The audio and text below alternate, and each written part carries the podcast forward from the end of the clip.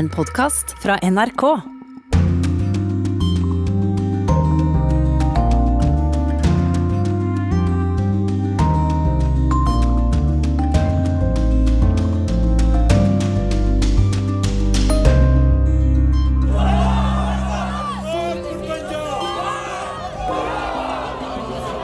Dramatisk utvikling i Afghanistan.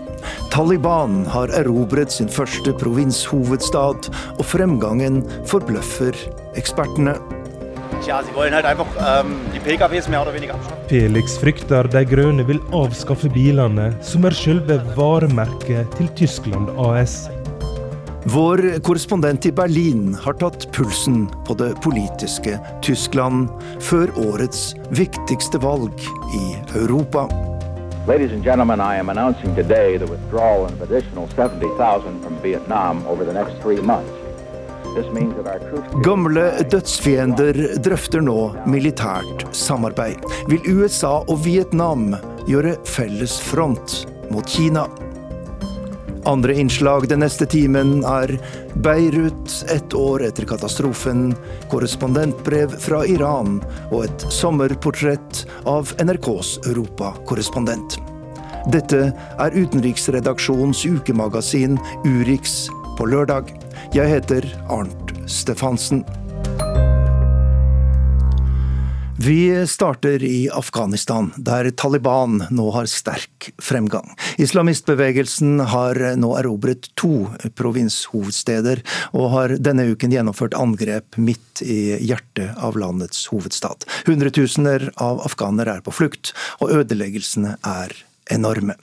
Her i studio sitter Kai Eide, tidligere spesialutsending for FN i Afghanistan. Hvordan vil du beskrive situasjonen i landet? Det du nå forteller er jo dramatisk og reflekterer det som skjer. Der vi har sett en, en, Jeg tror vi alle har vært overrasket over å se hvor dramatisk og raskt eh, dette er gått. Eh, først eh, at amerikanerne forsvant uten egentlig å be om noe særlig motytelser. Så ser du regjeringsstyrkene nærmest smelte bort i betydelige deler av landet. Så angrepet mot forsvarsministeren, nå tar overtagelse av to hovedsteder. Det er klart, dette er virkelig dramatisk. EU kom denne uken med hard kritikk av Taliban, og de snakker om en sanseløs voldsbruk som påfører befolkningen enorme lidelser. Hva vil du si om Talibans fremferd i Afghanistan nå? Jeg tror det er dekning for eh, harde uttrykk her. Eh, det har vært eh, veldig brutalt med henrettelser og så videre og så videre. Det er en, brutalitet vi ikke har sett på lang tid. og det er klart, uh, Dette er jo en del av Talibans taktikk her. Det er å skremme folk og skape panikk. Uh, og på den måten også skape en økt motstand mot regjeringen, for å se hvor lenge den, den holder. Uh, Taliban er jo ikke nå ute etter å, pop å være populære, men å bli sett på som besluttsomme, sterke og farlige. Du eh, har i mange år vært en sterk kritiker av Vestens eh, rolle i Afghanistan. Er det vi ser nå en lenge varslet katastrofe? På en måte ja, men det er klart vi blir jo alle overrasket over Trumps eh, beslutning om å trekke alle styrkene ut. Så det kom der som en, som en overraskelse på oss alle. Jeg forstår at man tenkte vil fem eller ti år til gjøre noen forskjell? Eh, det har gått mye langsommere i utviklingen av landet enn det vi hadde trodd. Eh, og det vi hadde forventet og det vi hadde ønsket. Eh, det er mange grunner til det. Men det er klart at krigføringen er jo blitt hardere og hardere og hardere. Og gjort det stadig vanskeligere å utføre den jobben som vi skulle gjøre. Bl.a. å bygge opp det sivile samfunnet. Bygge opp sivile maktstrukturer som ikke er korrupte. Og korrupsjonen har jo ødelagt veldig mye for denne regjeringen og for dette landet. Hva er det USA og andre eh, land har gjort galt i Afghanistan, først og fremst? Um, jeg tror um, vi skulle ha gått inn på forhandlingen på et mye, mye, mye tidligere tidspunkt. På et tidspunkt hvor Taliban ikke var noe i nærheten av så sterke som de er i dag. Nå vi, forhandler man med en med en motstander som eh, er sterkere, ikke sant? og som er ute etter å komme i en posisjon hvor forhandlinger nærmest kan bli et spørsmål om at regjeringen overgir seg. Eh, det er vel det som er det siktemål, men eh, forhandlinger for 10-12 år siden ville ha vært noe annet, tror jeg. Og så er det klart at vi har jo også ikke maktet å bygge opp, som jeg nevnte, de sivile institusjonene, gi dem den styrken som skulle til for å være populære hos befolkningen. Men der er jo ikke først og fremst Vesten som har feilet, det er jo afghanerne sjøl. Man har tillatt korrupsjonen til å fortsette, slik at folk blir mer og mer desillusjonert over sin egen regjering.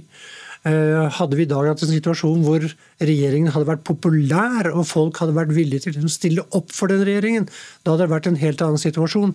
I dag er det dessverre ikke slik. Eh, I en artikkel i New York Times denne uken tar du til orde for et FN-initiativ i eh, Afghanistan. Hva kan egentlig FN gjøre? Det er et godt spørsmål, men se tilbake på hva de andre har greid. Ingenting, eh, egentlig, annet den amerikanske tilbaketrekkingen. Nå har det vært halvannet år og mer enn det med veldig fragmenterte forhandlinger og drøftelser og samtaler. Det har vært samtaler i Doha, det har vært i Moskva, det har vært i Kina og en rekke andre steder. Vi må få til en forhandlingsprosess som er konsentrert. Og der tror jeg bare FN kan gjøre, ta den jobben. Eh, det må, det, da håper jeg også at FN nå, etter møtet i går, kan eh, samle seg om en mye sterkere holdning enn det den dessverre har hatt til nå. Tusen takk, Kai Eide, tidligere eh, spesialutsending i Afghanistan for FN.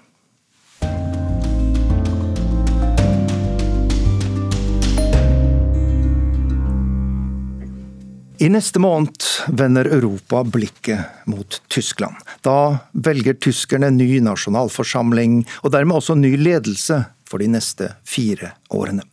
Valget blir et farvel med forbundskansler Angela Merkel, som har ledet landet de siste 16 årene. Og mange spør seg hva som nå kommer.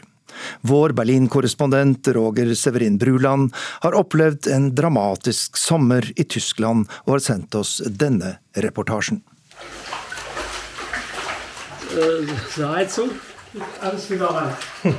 Jeg står med vann opp til knærne i kjelleren til to pensjonister som nylig har kommet tilbake til heimen sin. Det var en dam over småbyen Wassenberg på grensa til Nederland som hadde sprunget lekk. Midt på natta ble 700 innbyggere evakuerte av brannvesenet. De slapp med skrekken denne gang, men det gjorde de ikke lenger syd. 184 omkom i Tyskland i den verste flaumen i manns minne. Mange omkom i sengene sine da husene deres ble vaska vekk av flaumvannet. Personbiler ble kasta opp i lufta som legoklosser, gangbruer av betong knust og vridd sammen som vaskefiller. 73 mennesker er fremdeles savna. De fleste tyske politikere er samde om at global oppvarming er årsaka til denne flamkatastrofen. Spørsmålet er hvor mye Det grønne partiet vil tjene på dette når det går mot valg 26.9. Et svært viktig valg da en i år skal velge etterfølgeren til Angela Merkel, som har styrt landet i 16 år. For noen måneder siden ble det klart at De Grønne sin kanslerkandidat Annalena Baerbock kunne gi storkoalisjonen kamp til døra om kanslerjobben. Men hun har siden vært i hardt vær. Hun har blitt tatt i å pynte på CV-en sin, skylda for plagiat i den nye boka si, og for rot når hun skulle rapportere inn ekstrainntekter til nasjonalforsamlinga. Men med flaumen har endelig 40-åringen klart å komme seg i angrepsposisjon.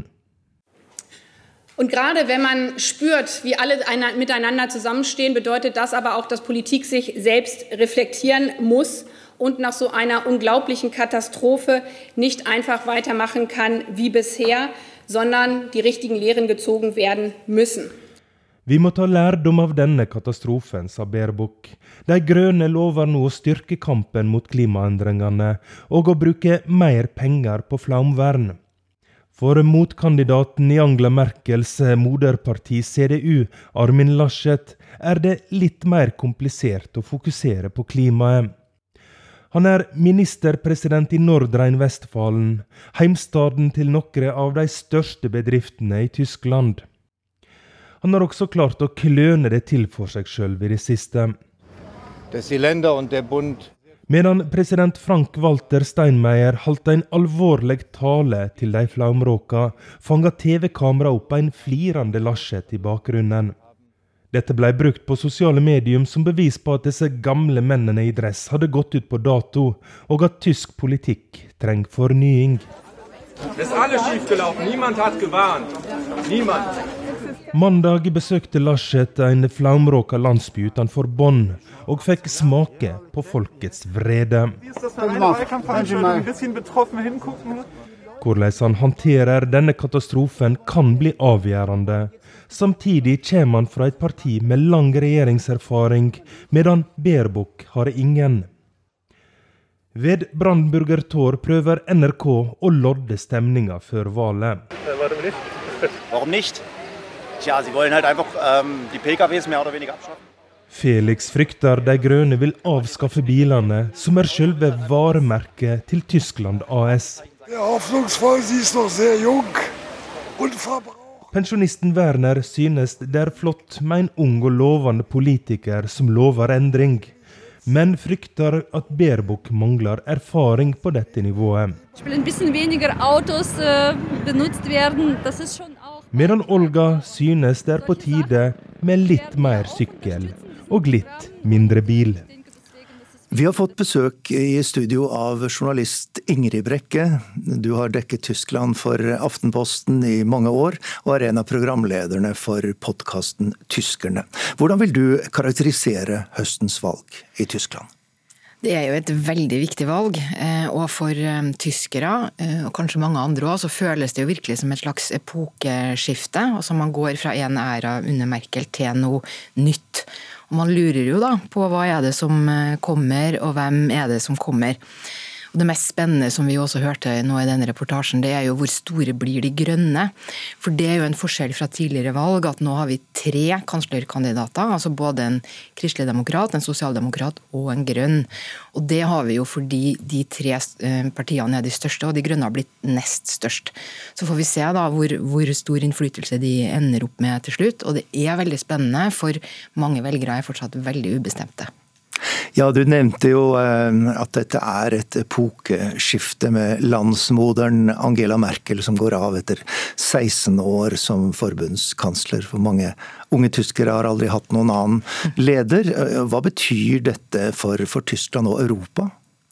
Det kommer jo litt an på ståsted. fordi Hun har jo blitt sett på som en garantist for stabilitet og forutsigbarhet. Mens eh, i hvert fall innad i Tyskland så har jo mange følt på en viss stillstand de siste årene. Altså Som er vrangsida av denne stabiliteten. da, Og man har ropt etter noe nytt. Eh, I Europa så vil hun nok mer entydig bli, bli savna, eh, av, i hvert fall av sine liberale, demokratiske kolleger. Hun har, vært, hun har en enorm erfaring, kjenner alle, snakker med alle, har fungert som en slags bro over mange konflikter, ikke minst eh, øst-vest. Og Sjøl tenker jeg jo kanskje at det ville være ganske sunt med en avveksling nå. Altså det er jo ikke, det kjenner vi fra Norge at det er noe som heter regjeringsslitasje, og det kan eh, være bra, komme en eh, ny giv. Men man må jo alltid huske at eh, mye av det vi tillegger Merkel, handler egentlig om landet Tyskland. Altså Tyskland kommer jo til å fortsette å være en stabil kraft uansett hvem som etterfølger. Er det noen av de aktuelle kandidatene som har politisk format til å ta over Merkels rolle, tror du? Ja, altså Akkurat nå er det jo ganske mye skuffelse i Tyskland over kvaliteten på disse eh, tre kandidatene. og Man har fått en litt rare situasjon. Jeg så noen ferske meningsmålinger nå rett før helga. At eh, En stund var det jo Anna-Lena Baerbock, den grønnes kandidat. Hun hadde et blaff i begynnelsen hvor hun var mest populær. Og så var det Armin Laschet, Kristeligdemokratene, som, som tok over som mest populær på de direkte Når man spør hvem ville du valgt hvis du stemte direkte på kansler. Mens nå er det faktisk Olaf Scholz som leder på dette, sosialdemokratene sin kandidat. Og han er jo Hans parti gjør det dårligere enn de to andre på de målingene, men som person har han blitt mer populær. Og det skyldes nok kanskje mest misnøyen med de to andre. Ehm, at Scholz er, jo en, han har jobba, han er finansminister, han har vært veldig tett på Merkel i alle år og oppfattes nok nettopp som en sånn ro og stabilitet og kanskje en viss sånn kontinuitet. sånn at eh, Vi får nå bare se, men jeg tenker også det er viktig. Merkel, Merkel selv har jo sagt ofte at man blir ikke født til kansler, det ble ikke hun heller. Det er en rolle man vokser inn i. Sånn at hvem som ser ut som man har format nå, det er noe annet. Og ingen trodde det om Merkel heller, eller veldig få, i 2005. Eh, men den, man må vokse inn i den rollen, så jeg syns ikke man skal være så bastante i utgangspunktet. Eh, til slutt, eh, Ingrid Brekke. Tyskland har nylig opplevd en flomkatastrofe. og Vi vet fra tidligere at en flom kan få store politiske konsekvenser i landet. Eh, hvordan blir det denne gangen, tror du? Ja, altså Det hørte vi litt om i reportasjen. Det er klart at Dette handler delvis om kan Armin Laschet, som sitter som statsminister i denne ramma delstaten, Eh, håndtere denne krisen på noe akseptabel måte. Eh, foreløpig har han jo ikke klart seg så bra. Så Sånn preger det. Og så preger det selvfølgelig det at det er alt med klima og klimaendringer. Det kan jo tjene De grønne hvis de klarer å benytte seg av det. Så det kan ha stor innflytelse, men det er litt tidlig å se enda. Det er jo noen uker igjen. Tusen takk, Ingrid Brekke.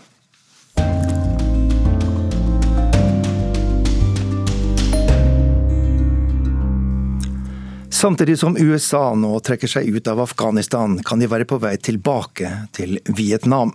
Kommunistregimet i landet de en gang kriget mot, er nå i samtaler med USA om å åpne baser og starte våpensalg. Deres felles interesse er å stå imot et sterkere Kina. Reporter Philip Lote minner oss om de dramatiske scenene i 1975, da USA tapte Vietnamkrigen. Den 29. april 1975 amerikanske marinehelikoptre tilhørende den sørvietnamesiske regjeringshæren styrtes i havet utenfor Saigon for at de ikke skal falle i hendene til fienden.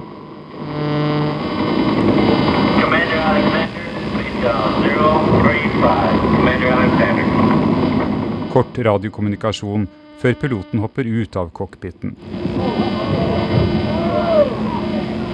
Helikopterskroget treffer vannskorpa, og rotorbladene skjærer gjennom bølgene. En amerikansk redningsbåt styrer mot piloten og fisker han opp. Et fortellende punktum for krigen amerikanerne ikke klarte å vinne. To år tidligere hadde president Nixon kunngjort at amerikanerne ville avslutte sitt direkte engasjement i krigen. Ladies and gentlemen, I am announcing today the withdrawal of additional 70,000 from Vietnam over the next three months. This means that our troop ceiling by May 1 will be down to 69,000. En fredsavtale inngått i Paris ble egentlig aldri effektiv. Kommunistene i nord rykket så raskt sørover at de selv ble overrasket. I en av flere klassiske reportasjer forteller CBS-korrespondent Ed Bradley om en by som tidvis var merkelig stille, og på samme tid fylt av panikk. No one wanted to be left in this crowd that at times was strangely quiet, but that always was on the verge of panic.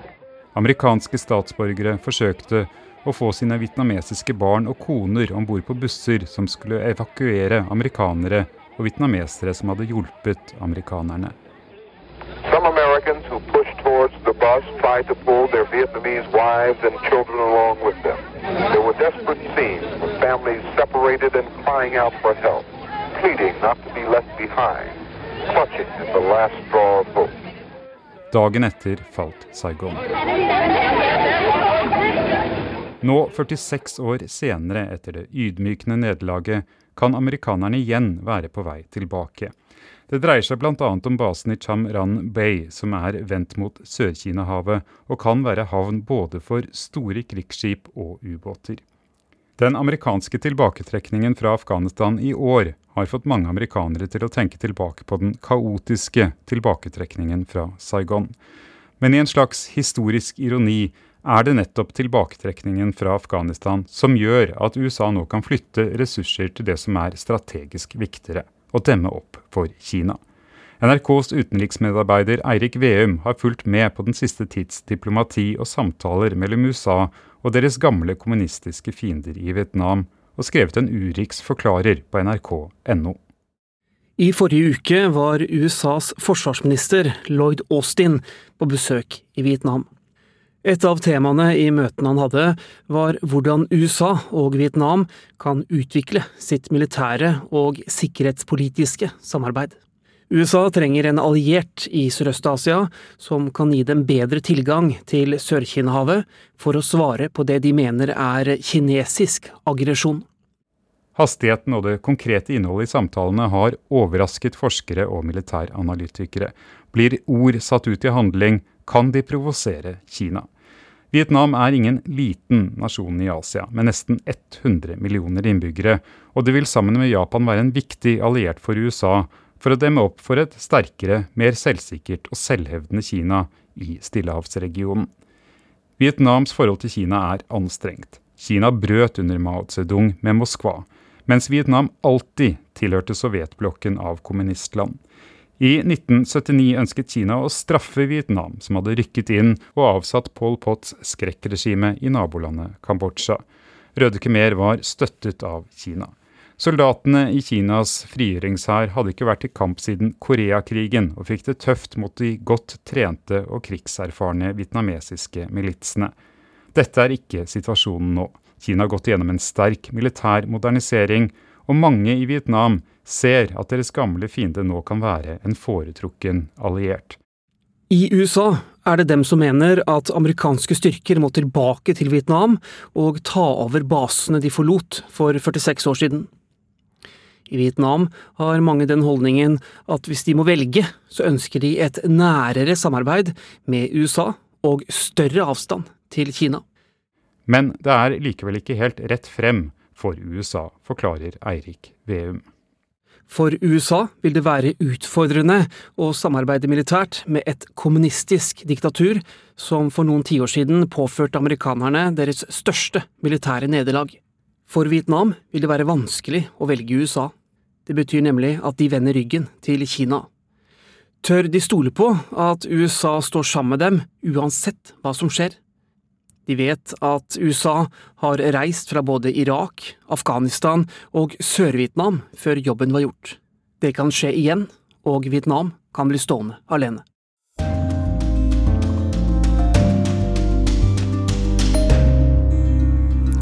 Libanon sliter tungt ett år etter den katastrofale eksplosjonen i hovedstaden Beirut.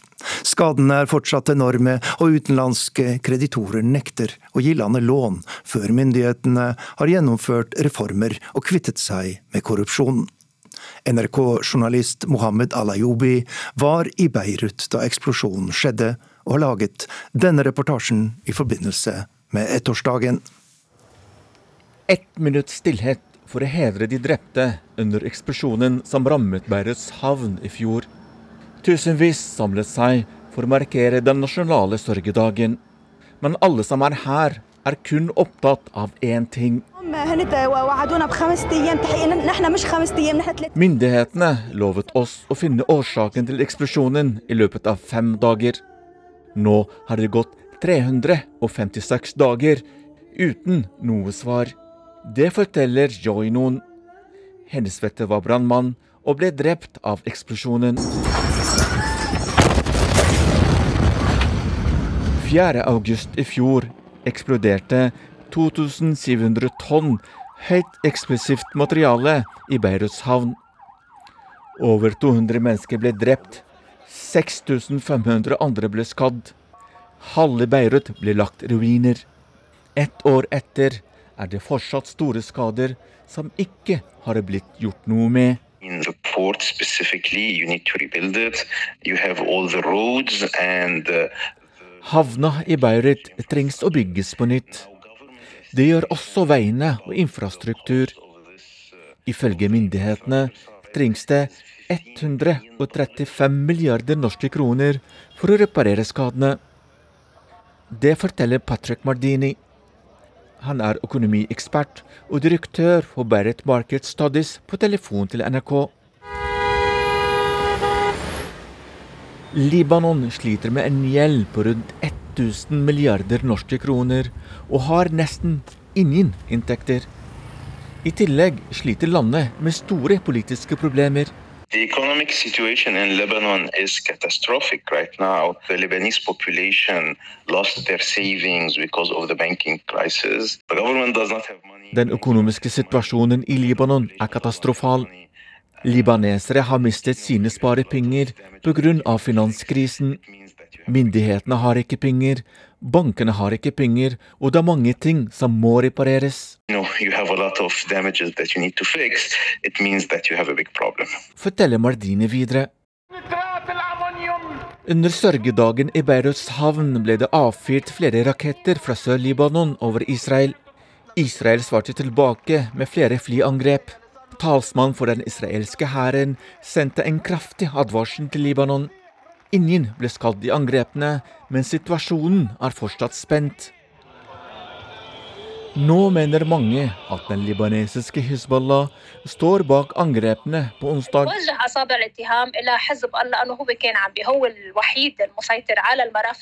De gjorde det for å forstyrre markeringen og etterforskningen for å finne de ansvarlige bak importen og lagring av det farlige materialet som eksploderte i Beirus havn i fjor. Det er Hizballah som har kontrollen i Beirus havn og andre havner i landet. Det sier journalisten Sausan Mohanna. Han jobber for den britiske avisen Independent på telefon fra Beirut. NRK ringer Hizballahs mediekontor i Beirut. De avviser at de hadde angrepet Israel, og ønsker ikke å kommentere saken ytterligere. Hizbollahs leder Hassan Nasrallah sa tidligere at hans parti ikke har med Beirus havn å gjøre. Vi styrer ikke eller har kontrollen over Beirus havn, og vi vet ikke hva som finnes i havna. Det sa han i en TV-tale i august i fjor. På fredag skjedde det igjen. Flere raketter ble sendt over Israel. Denne gangen måtte Hizbollah innrømme angrepene etter at lokale libanesere hindret Hizbollahs soldater å avfyre flere raketter.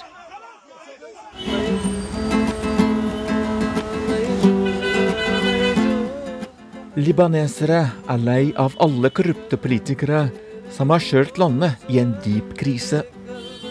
Nå er det kun én ting som gjelder.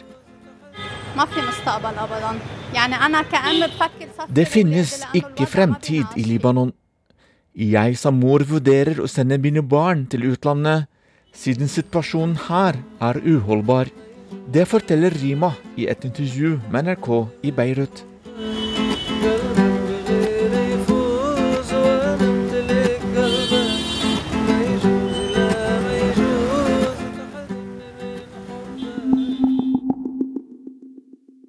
Vår nye korrespondent i Storbritannia, Gry Blekastad Almås, har sett nærmere på hva fotball betyr for norske turister på øyriket.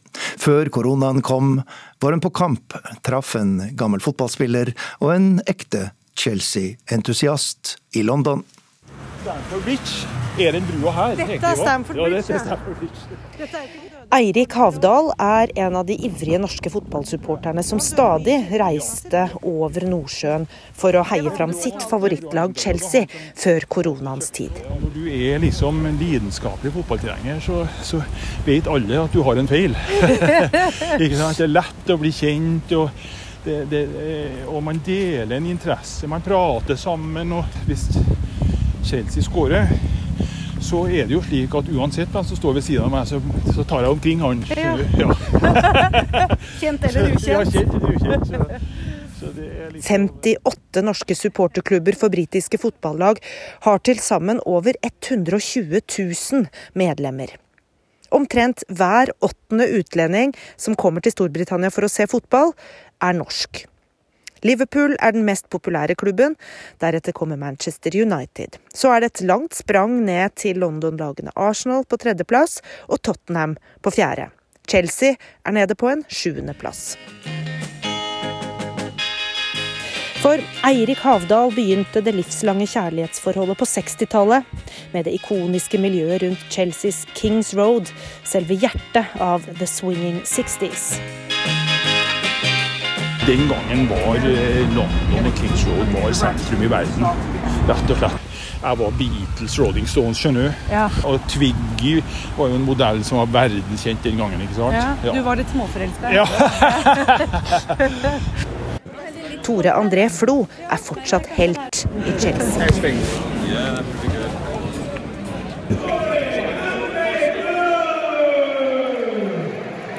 Tore André kom til Chelsea som 23-åring. Da hadde han aldri vært i London før.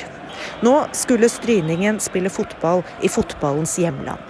Han skåret i sin første kamp. Det ble 34 mål til sammen for London-laget. Så flytta han på seg til Glasgow, til Sunderland og så Italia og Norge, før han dro tilbake til England og spilte for Leeds. Nå er han i Chelsea igjen, med ansvar for utlånte spillere. Jeg sitter mellom herr og fru Flo når Chelsea møter Manchester United denne kvelden. På motsatt banehalvdel står Ole Gunnar Solskjær. Ja, det er veldig kjekt at eh, han gjør det bra. Eh, akkurat mot Chelsea kanskje så, så kunne vi kanskje hatt en Chelsea-seier, men eh, ja, det er veldig flott at han gjør det bra. Selvfølgelig.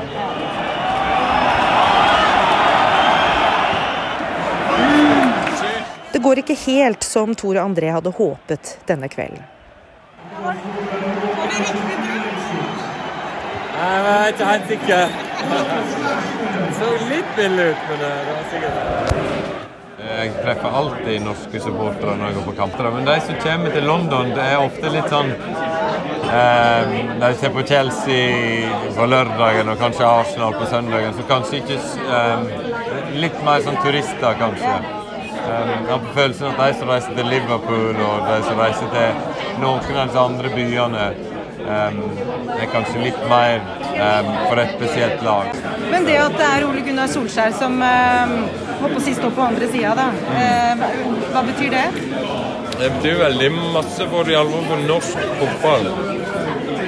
Det er fantastisk at han har en sånn jobb som det. Um, jeg blir jo litt stolt av å være fra Norge når eh, manageren til United er er fra Norge. Men er det vanskelig med lojaliteten, lurer jeg litt på. Har du liksom litt lyst til at han skal vinne òg? Ikke i dag, men eh, vanligvis, ja. Vi er kommet frem til ukens korrespondentbrev. Det er fra Midtøsten-korrespondent Sissel Wold, og handler om noe svært få nordmenn kan noe om, nemlig iranske kleskoder. Må du virkelig dekke håret i Iran? spurte taxisjåfør Sefar da han kjørte meg til flyplassen i Istanbul. Du er jo utlending. Alle kvinner må gå med sjal, uansett, sa jeg, også om du tilhører Irans kristne eller jødiske minoritet. Det er mange som lurer på hvordan vestlige kvinner synes det er å måtte gå med sjal, særlig sekulære muslimer, men det er bare noen som tar sats og spør. For sjal er et sensitivt tema både i Tyrkia og i Iran. På en privat middag i Teheran nylig tok alle kvinnene av seg sjalene og la dem i garderoben. Jeg kom samtidig med en iransk kollega som presenterte seg mens hun dro av seg sitt rødlige sjal. Hvordan synes du egentlig det er å måtte dekke håret? spurte hun med lav stemme der vi satt ved siden av hverandre ved bordet. Det er ikke noe problem. Det viktigste for meg er å få pressevisum og få reise hit. Og når det gjelder kleskodene, så gjør jeg det beste ut av det. Jeg shopper litt, så jeg alltid har det siste iranske mote. For man kan se flott ut innenfor rammene her, svarte jeg. Hm, kommenterte hun. Men klær er ikke bare klær. Før jeg skulle dra for å dekke det iranske presidentvalget i juni, sjekket jeg Yr. Temperaturen i Teheran ville krype opp mot 40 varmegrader. Jeg har mange iranske uniformer i skapet, eller mantoer som de kalles, disse jakkene som går til midt på låret i henhold til Den islamske republikkens kleskoder for kvinner. Men de siste årene har jeg stort sett vært her vinterstid, og alle uniformene er av det varmere slaget. Derimot hadde jeg mange lette shalwar kamis i klesskapet, et av verdens mest behagelige plagg. Shalwar kamis brukes i Pakistan og mange steder i Asia, og består av en lang tunika med lette bukser til og ofte sjal. De er perfekte for 30 og 40 varmegrader. Men det gikk ikke, selv om de dekker de nødvendige delene av kroppen. Hva er egentlig galt med Shalwar Kamis her, spurte jeg fotograf Øskur da vi spiste frokost i Teheran. Kanskje det er fordi de er sunniklær, prøvde han med et smil. Vi er jo i et sjiamuslimsk land. Folk ville uansett lure på hvorfor en europeer som meg dukket opp i pakistanske klær i Irans hovedstad. Det fikk meg til å tenke på den første gangen jeg var her i 2007. Tolken Mahmoud og jeg skulle til den hellige byen Kum. Der var kleskodene enda strengere. Alle kvinner måtte gå med chador, dette lange, teltlignende plagget. Jeg hadde en sort abaya i kofferten. Denne lette, lange, svarte kappen som arabiske kvinner i Gulfen bruker. Abaya er også et svært behagelig plagg, og det er mye lettere å håndtere enn shadoren som henger tungt ned fra hodet. Abaya må gå bra i kum, sa jeg. Abaya er for arabere, brummet Mahmoud. Vi er ikke arabere, vi er iranere og persere, vi bruker ikke abaya. Vi drar og kjøper en chador til deg, sa han bestemt. Så måten man dekker kroppen på, er altså viktig.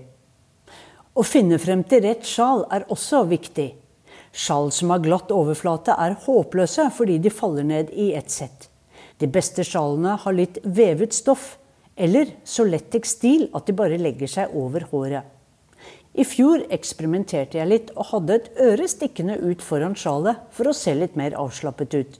Og i år har jeg satt opp håret i en topp og festet sjalet i toppen, men lar litt hår henge ned på den ene siden, for det er viktig å se casual ut. Jeg tar meg i å rette på sjalet hele tiden når jeg er ute, redd for at det skal gline uten at jeg merker det. For sitter du i en bil, kan sjåføren få bot om kvinnelige passasjerer ikke dekker håret. Hvor mye energi bruker iranske kvinner på å passe på at sjalet sitter riktig, lurer jeg på, mens hendene mine går opp til sjalet minst 15 ganger i timen, eller kanskje like ofte som du sjekker mobilen din. Det er åttende gang jeg er i Iran. Dette fascinerende landet en aldri blir helt klok på, aldri helt vil forstå, men heller aldri får nok av. For Iran har så mange lag. På overflaten ser du presteregimets ayatollaher overalt i form av portretter. Martyrene dyrkes med store veggmalerier. Nå er martyr Qasem Soleimani den aller største av dem. Langt større død enn levende. Denne mektige generalen fra revolusjonsguiden som ble drept på ordre fra Donald Trump. Men når du snakker med folk flest, er mange sekulære. De fleste jeg treffer, er fra middelklassen. Ikke så mange er de fattigste eller mest religiøse. Og dem jeg snakker med, vil ha reformer. Og de boikottet presidentvalget i juni fordi presteregimet ikke valgte noen kandidater som representerte dem. Om de ikke identifiserer seg med ayatollahene som styrer landet, er de stolte av å være iranere og persere. Få land har over en 5000 års historie med en så rik kultur av kunst, poesi og litteratur. Jeg får følelsen av å være tilbake til 1980-tallet når jeg kommer hit, sa en kollega jeg traff på hotellet. Mulig det, men av en eller annen grunn føler jeg meg mer hjemme i Iran enn i andre land i Midtøsten. Men hvorfor er det slik, tro? Kanskje er det fordi Iran hadde en vestlig livsstil under sjahen frem til Ayatollah Khomeinis islamske revolusjon i 1979. Kanskje er det fordi så mange iranere har familie i Vesten og holder mye kontakt med verden utenfor? Eller er det fordi iranere er så godt utdannet og følger godt med på internasjonale nyheter, litteratur og film? Hver gang jeg er her, er noe annerledes enn sist. Det kan være atmosfæren, stemningen eller kanskje svarene folk gir under intervjuer. Men nå i juni legger jeg merke til alle fargene. Mens kvinnene stort sett har gått i mørkere mantoer tidligere, er det farger overalt nå. En kvinne på grønnsaksmarkedet gikk i knall rosa mantå. Andre hadde på seg gule og lysegrønne.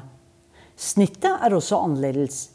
De er ikke bare kuttet og sydd som små jakker, Nei, de er i alle slags design nå. Hva betyr denne forandringen? spurte jeg tolken Afsane. Det ser ut som om regimet gir kvinner pusterom, sa hun. For ellers hadde ikke butikkene fått lov til å selge slike klær. Jeg spurte flere kvinner om kleskodene. Nå får Iran en langt mer konservativ president i Ebrahim Raisi. Tror dere hijab-politiet vil bli strengere? spurte jeg. Nei, det vil vi ikke finne oss i, for de kan ikke skru klokken tilbake. Vi må få puste, svarte de.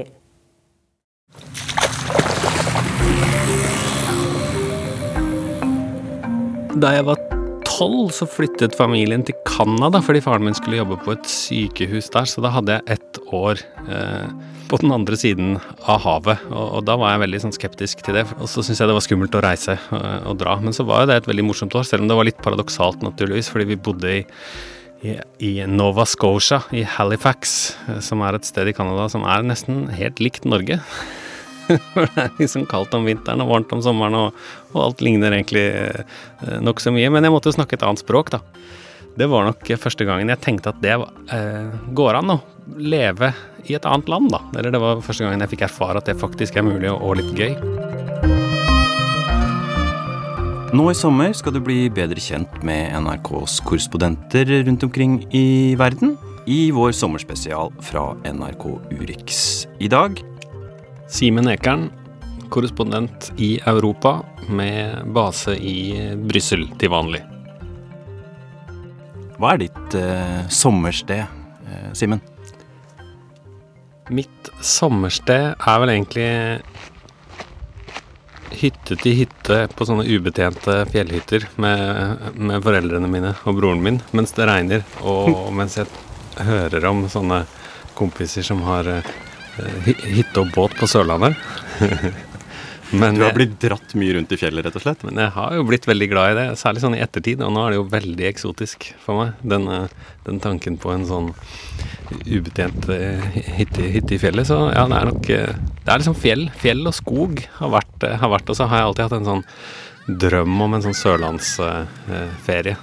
Men du bor altså i Brussel, som jo da er hodet til EU på en måte. Og så virker det som du har plassert en ganske stor bit av hjertet ditt i Italia og i Roma. Ja, nei, det er jo egentlig liksom Italia som var det første sånn landet som jeg dekka ordentlig som, som, som, som journalist, selv om jeg hadde en, en, idé om at det skulle være Frankrike, og jeg studerte i Belgia og studerte fransk, og, og, og så ble det først Italia. Så, så, det var liksom Skrev om mafiaen og skrev om alt, og, men særlig om, om Silvio Berlusconi, egentlig, som preget mange år av mitt liv som, som, som journalist. Hvis vi skal være litt alvorlige og litt brutale, Simen Ekern, så var det vel da koronasmitten slo ut i full blomst i Nord-Italia at vi her i Europa skjønte at dette var dødelig alvor, og at det kom til å angå oss også. Hvordan var det å stå midt oppi det? Helt i starten eh, så var det eh, nokså traumatisk, fordi tomheten eh, og den frykten som, som fantes i Italia, den, eh, den, var eh, drøy, og den gjorde også Den gjorde veldig, veldig inntrykk på meg personlig også, hvordan det var å være i, i, i en situasjon der du ikke får lov til å gå ut. Det var veldig annerledes, og det har jeg vel egentlig ikke helt kommet over, tror jeg. Det, det var i hvert fall noe som satt i veldig veldig lenge. Etter hvert så klarte jeg og sønnen min å lure oss til å, å gå på noen sånne 200-300 meters turer, og så gjemte vi oss bak en bil hvis det kom en, eh, en politibil og sånn. En eller annen måte å, å, få litt frisk luft på måtte vi, måtte vi finne på, da. Men det var intenst. Det var intenst. Etter hvert så begynte du da å reise rundt og jobbe og dekke denne pandemien. Hva har gjort mest inntrykk på deg i det lange året som har eh, gått siden i fjor vinter?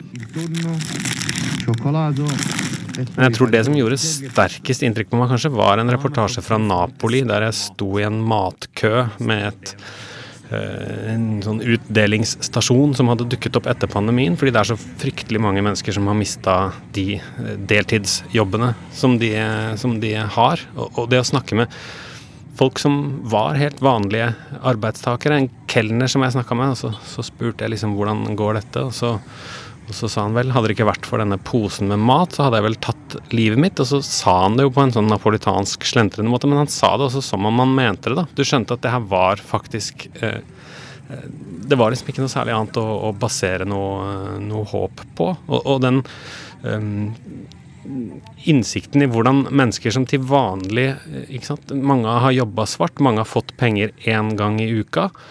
Uh, og det er ikke noe mer sikkerhet enn det. Så når den uh, lønna ikke kommer den uka, så er det ikke noe mer. Og, og, og på den turen så intervjuet jeg også ordføreren i Napoli, og han snakket veldig overbevist om, om en frykt for et uh, sosialt opprør som skulle starte i Napoli og spre seg. Eh, og han pekte ut på Vesuv, da, på vulkanen, og sa at sånn, sånn er Napoli, dette kommer til å eksplodere hvis ikke vi finner en annen måte å, å brødfø byens befolkning på. Går det bedre med de folka som sto i den matkøen nå, tror du? Ja, det opprøret han snakket om, det kom jo ikke.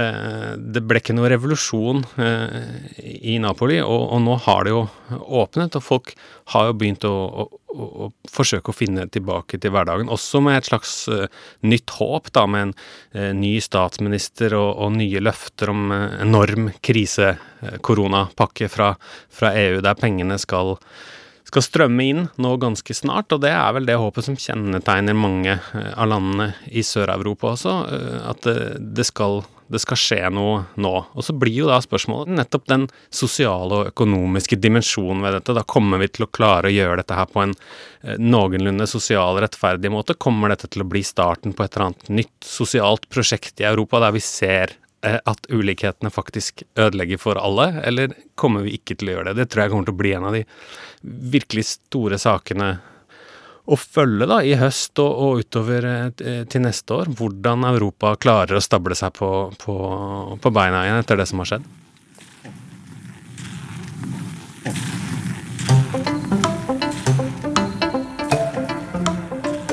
Du, Simen, da vi gikk på skolen, så var det jo vanlig å ha skidag.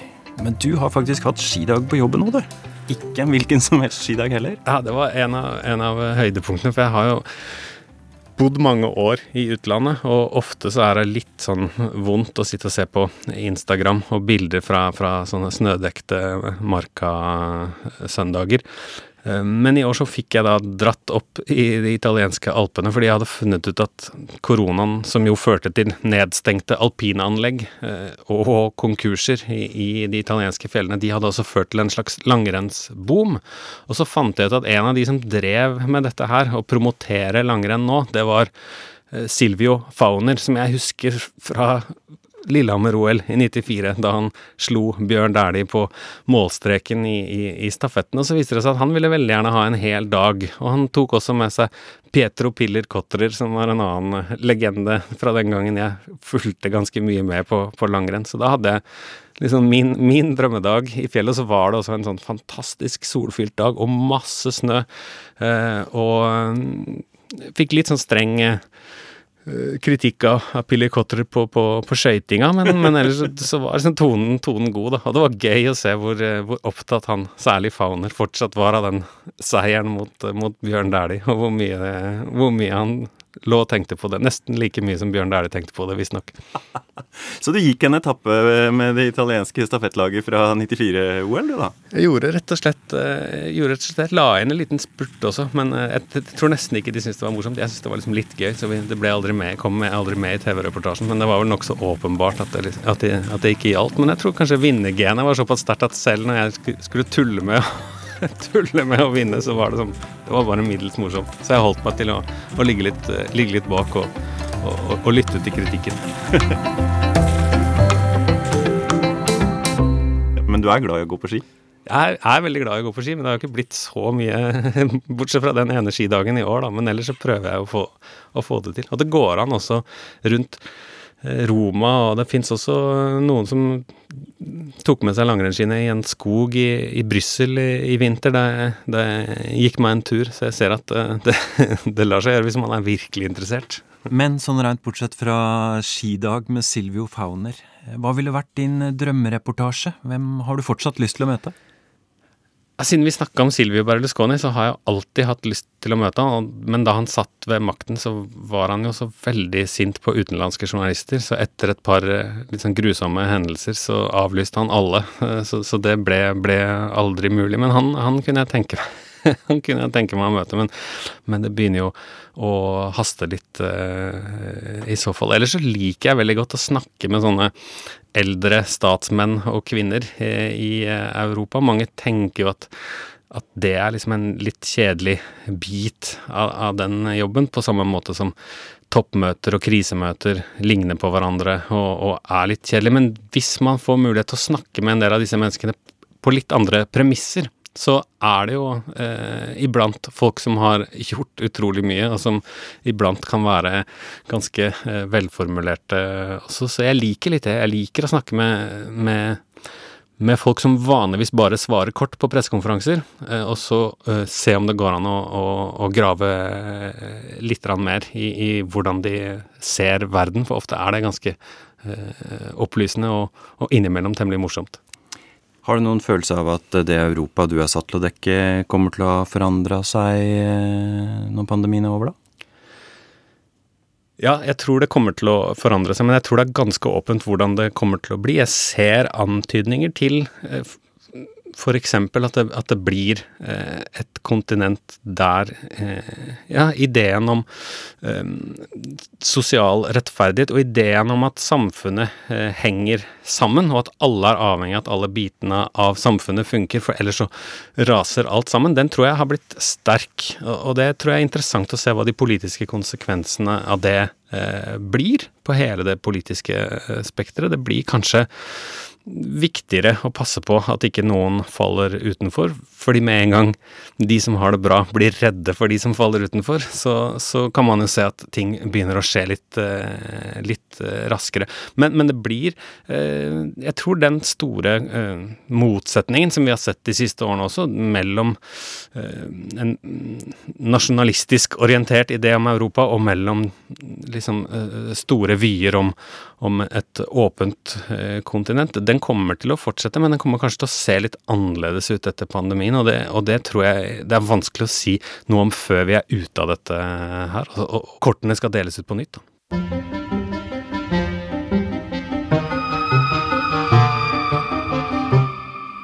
Hva skal vi holde øye med i høst da, Simen Ekern, vi som lurer på hvordan det går med Europa videre?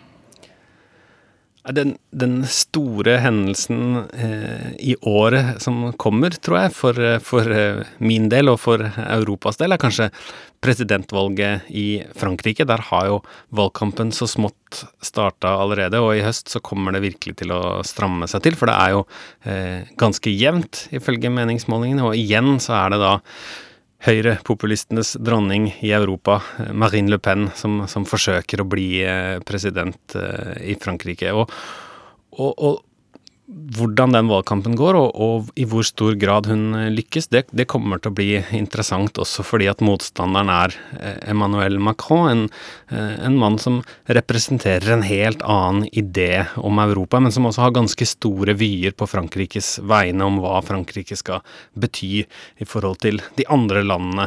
Så, så det, det, kommer til å bli en viktig hendelse for Frankrike, men det kommer også til å bli noe som resten av Europa følger ganske spent med på, da, fordi den Fortell oss hvorfor valget mellom Macron og Le Pen er viktig for fordi, hele Europa. Ja, For de representerer en motsetning som på mange måter er til stede i alle de andre europeiske landene også. Du har øh, denne øh, Marine Le Pen på den ene siden som, som, som, handler om at nasjonen må stå sterkere på egen hånd, og at det er den enkelte nasjonens kultur og historiske arv og språk som er eh, det aller viktigste, og at det som kommer utenfra, det kan man eh, være interessert i eller forholde seg til hvis man, hvis man vil det, men i bunn og grunn så må man passe på eh, seg eh, og, og, sine.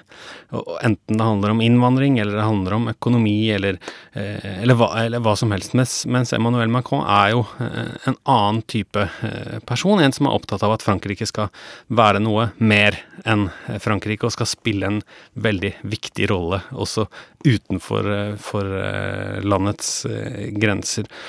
Så i, hvor stor grad de klarer å liksom lykkes med sin fortelling om hvilket Frankrike vi skal ha framover, det tror jeg altså kommer til å bli eh, viktig for mange andre europeiske land når de sitter og ser hva er det den store Hva er det de store politiske skillelinjene eh, skal, skal, være for oss framover. Men nå er det sommer. Hvordan skal du feriere, Simen Ekern?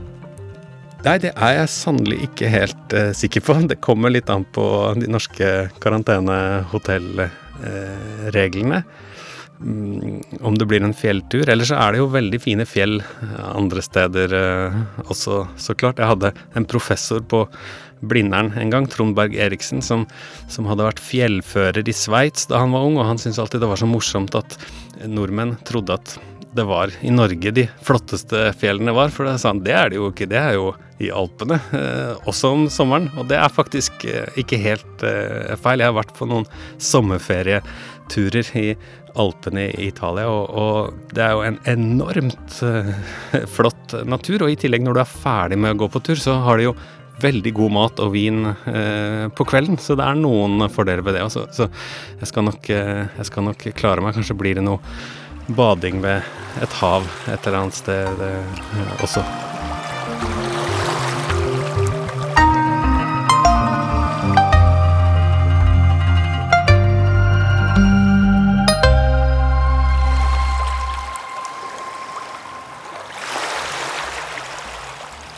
Vi er kommet til veis ende i denne Urix på lørdag-sendingen.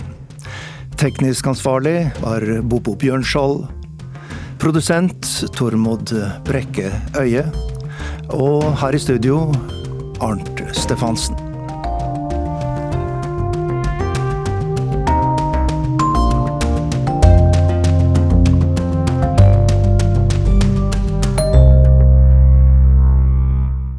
Du har hørt en podkast fra NRK.